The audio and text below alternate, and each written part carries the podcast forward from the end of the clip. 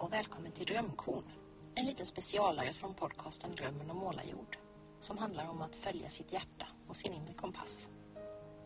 Jag heter Maria Estling Wannestål och sedan jag startade podden 2015 har jag spelat in massor av samtal med en rad kloka och intressanta människor. Nu vill jag lyfta de tidigare avsnitten i en annan form. Därför har jag plockat ut några små guldkorn från varje avsnitt. I Drömkorn nummer 10 får du träffa Kina Persson och det är ett väldigt speciellt avsnitt. En tid efter inspelningen av vårt poddsamtal upptäcktes det att Kina hade en hjärntumör. Hon blev snabbt allt sämre och avled i januari 2018, alldeles, alldeles för tidigt. Jag träffade bara Kina två gånger.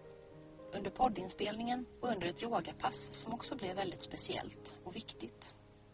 Jag och min äldsta dotter Sanna gick på det morgonen efter dagen då Donald Trump hade valts till president och vi båda kände en stor, stor sorg och rädsla inför vad det skulle få för konsekvenser för världen. Att då få yoga till Kinas lugna röst var en väldigt tröstande upplevelse. Sen dess har jag många gånger när jag mediterat här hemma lyssnat på låten Ramadasa, ett healingmantra som Kina spelade för oss under sitt yogapass. Och varje gång tänker jag på henne och allt det ljus hon spred omkring sig. Nu ska du också få lyssna på Kinas röst genom några utdrag i vårt poddsamtal. Hon berättade om hur en arbetsplatsrelaterad skada tvingade henne att lära sig att leva med kronisk smärta. Envis som hon var vägrade hon att se sig själv som ett offer och kunde krypa ner för källartrappan bara för att hämta någonting hon ville ha istället för att be någon annan om hjälp. Så småningom kom Kina i kontakt med yogan. Det var nog eh, när yogan kom in i mitt liv faktiskt. Ja. Eller nog, det var när yogan kom in i mitt liv. 2007, hösten, köpte jag mig en eh, tidning där det var eh, med en yogaskiva med. Medicinsk yoga stod det på den. Och då stod det kom i form tror jag det var. Mm. Eller något sånt. Och då var det att man skulle andas och man skulle göra någon yogarörelse och sen vila och sen meditation. Och första gången jag satte på den så tänkte jag, hur ska jag kunna andas? Alltså jag kunde inte förstå hur han menade att det där långa andetaget, hur jag skulle få ner det och så. Jag märkte ju att jag andades väldigt högt. Hade det med smärtan, med smärtan att göra? Mm. Mm. För jag kunde ju inte sitta, det gjorde jätteont när jag skulle mm. sitta. När han sa att jag skulle sitta i lätt meditationsställning, det gick ju inte utan fick jag sitta på en stol och ja, försöka liksom möta det. Jag, gjorde, jag bestämde mig för att jag skulle göra det två dagar i veckan att jag skulle köra detta. Och jag kände nog att det här vill jag lära mig lite mer utav. Och eh, sökte mig in till ett öppet hus inne i Växjö där de hade kundaliniyoga, livsyoga hette det, kallade hon det för. Första gången jag kom till den, det, så tänkte jag det, att så här mycket smärta som jag har i min kropp. Jag satt, jag kunde inte sitta och jag for runt på mattan och sen när vi skulle, äntligen kom vilan tänkte jag och skulle lägga mig ner. Men det gick liksom inte. Jag kunde inte slappna av i ländryggen, låg på sidan, låg på ryggen, låg överallt. Men under resans gång, en dag i veckan, plus mina två dagar jag gjorde hemma, så mötte jag ju och kom lugnare ner och ner mot mattan då mm. ju. Och kände redan från första gången att det här är någonting som berikar mig trots att jag får möta all den här smärtan hela ja. tiden. Och det kan jag ju se idag att det, det är ju så, att ja. det, man ska ju möta det. Den yogaform som Kina fastnade för kallas kundalini-yoga. Och här berättar hon om hur det kom sig att det som hon först sökte sig till bara för privat bruk så småningom också kom att bli hennes jobb. Det var ganska givet att jag ville gå just kundalini för där jag kände att det var rörelse som min kropp klarade av mm. i just de yogaformerna. Och eh, under den resan hela tiden där så pratade hon rätt mycket om yogalärare. Ja, men jag går nog mest för min egen skull. Det var så hela tiden. Jag hade nog inte tänkt att jag skulle utveckla eh, till att ha elever och så. Men under tiden där kände jag, det här måste jag sprida. Ja. Det måste, alla måste få känna på yogan. Sen spelar det ingen roll om det är kundalini eller ashtanga eller vad den är så så har, är, blir det mitt kall. Ja. Jag måste, det liksom kom det mantra till mig när jag var iväg.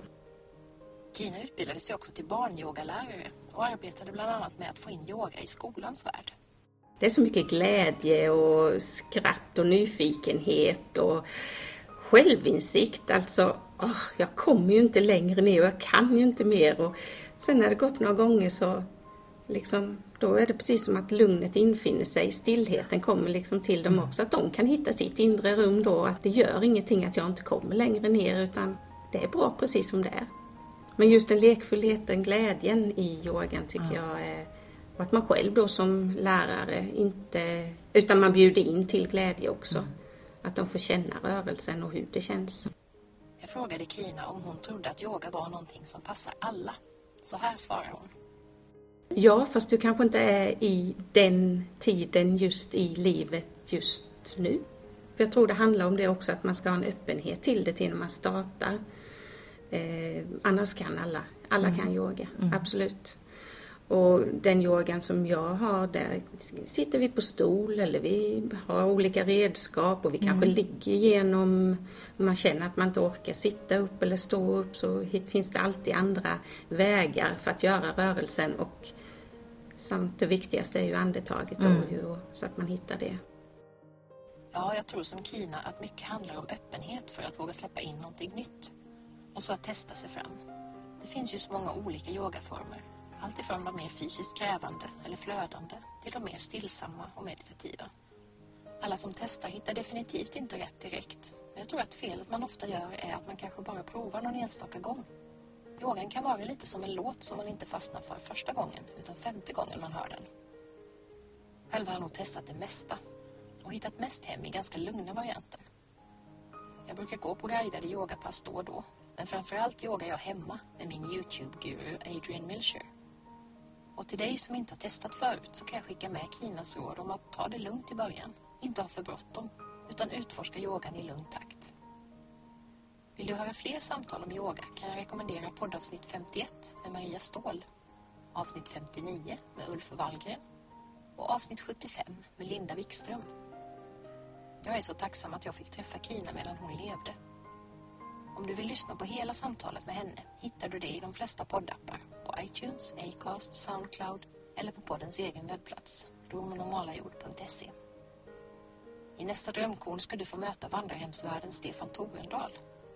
Han driver vandrarhemmet på norra Öland dit jag har åkt sju gånger för att hitta skrivro och gemenskap med andra skrivande människor. Om några veckor är det dags för årets skrivdagar där jag äntligen ska få ta itu med min tredje roman. Det ska bli så härligt. Tack för att du har lyssnat. Hej då!